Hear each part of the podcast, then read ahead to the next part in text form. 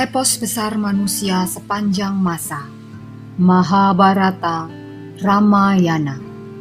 Karya C. Raja Gopalacari Diterbitkan oleh Ircisot Dibacakan oleh Dian Sitoresmi dan Mariana Widya. Bagian pertama. Mahabharata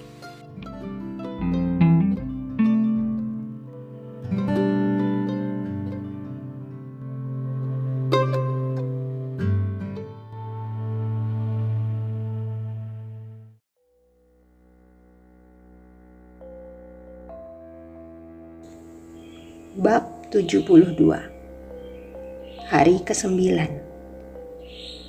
Pada hari ke-9 sebelum perang dimulai, Duryudana pergi menemui Bisma.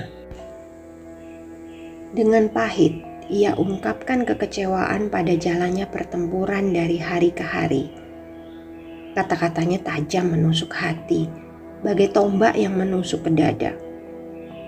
Tapi Bisma menanggapi dengan tenang dan sabar katanya. Seperti minyak persembayangan, kuserahkan hidupku untukmu. Mengapa engkau masih saja menyakitiku, padahal aku telah berjuang sepenuh dayaku? Engkau bicara seperti orang yang tidak punya pengertian yang baik dan yang buruk. Kata orang, jika menjelang ajal, pohon-pohon akan tampak seperti terbuat dari emas.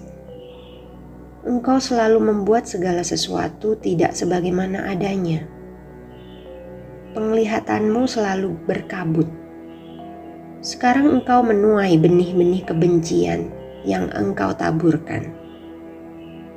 Sekarang, pilihan terbaik yang tersedia bagimu adalah terus bertempur sebaik-baiknya Perang ini juga merupakan jalan untuk memenuhi kewajiban. Aku tidak mungkin melawan Sri Kandi. Aku tidak akan bertempur melawan seorang perempuan. Aku juga tidak bisa membunuh para Pandawa karena pikiran ini tidak mengizinkanku. Aku akan lakukan semuanya kecuali dua hal itu. Aku akan lawan semua kesatria yang menentangmu engkau tidak akan mendapatkan apa-apa jika hatimu lemah. Bertarunglah sebagaimana layaknya kesatria, dan engkau akan mendapatkan kehormatan.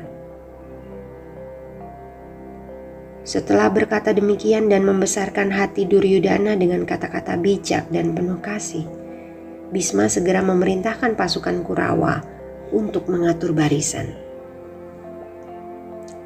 hati Duryudana menjadi mantap. Ia segera memanggil Dursasana dan katanya, Sekarang aku yakin kakek akan bertempur dengan sepenuh hati untuk kita.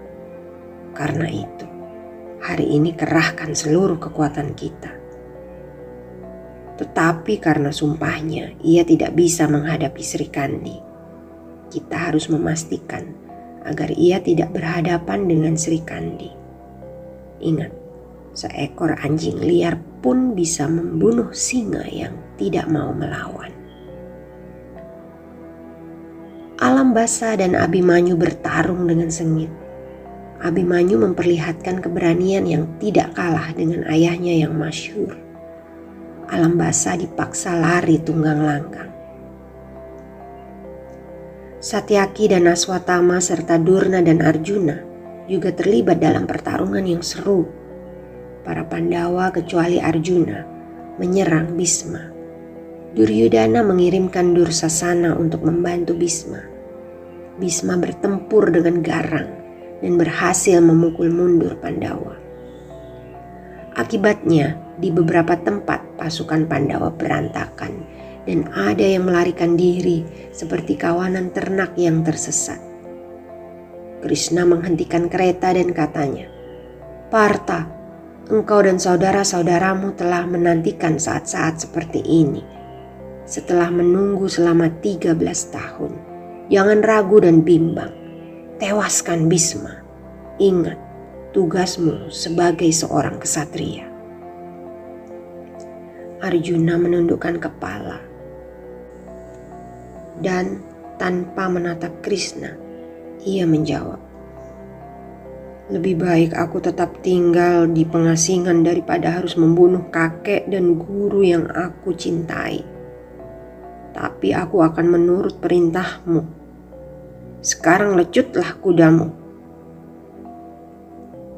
Hati Arjuna tidak terarah sepenuhnya pada perang.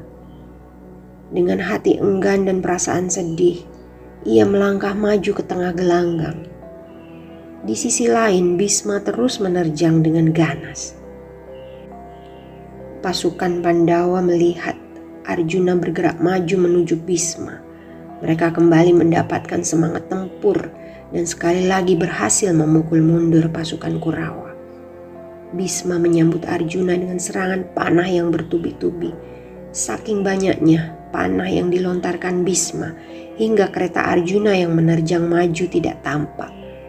Meskipun demikian, Krishna tetap tenang.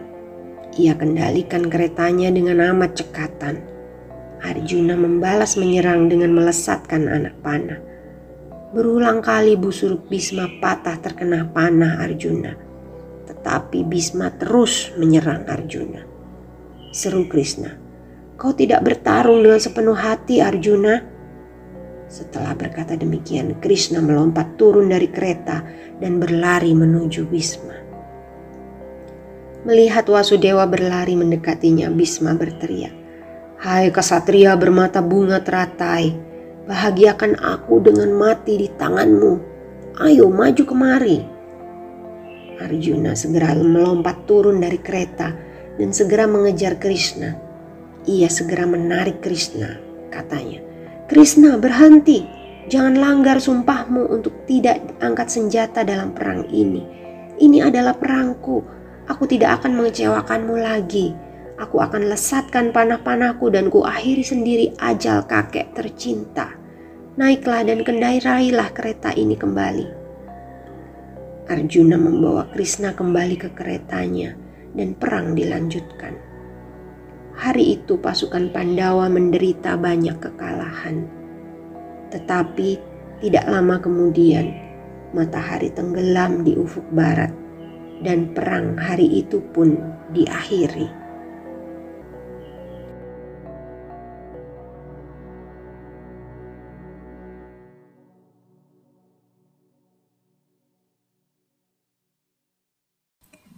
Dengarkan kisah selanjutnya di episode berikutnya.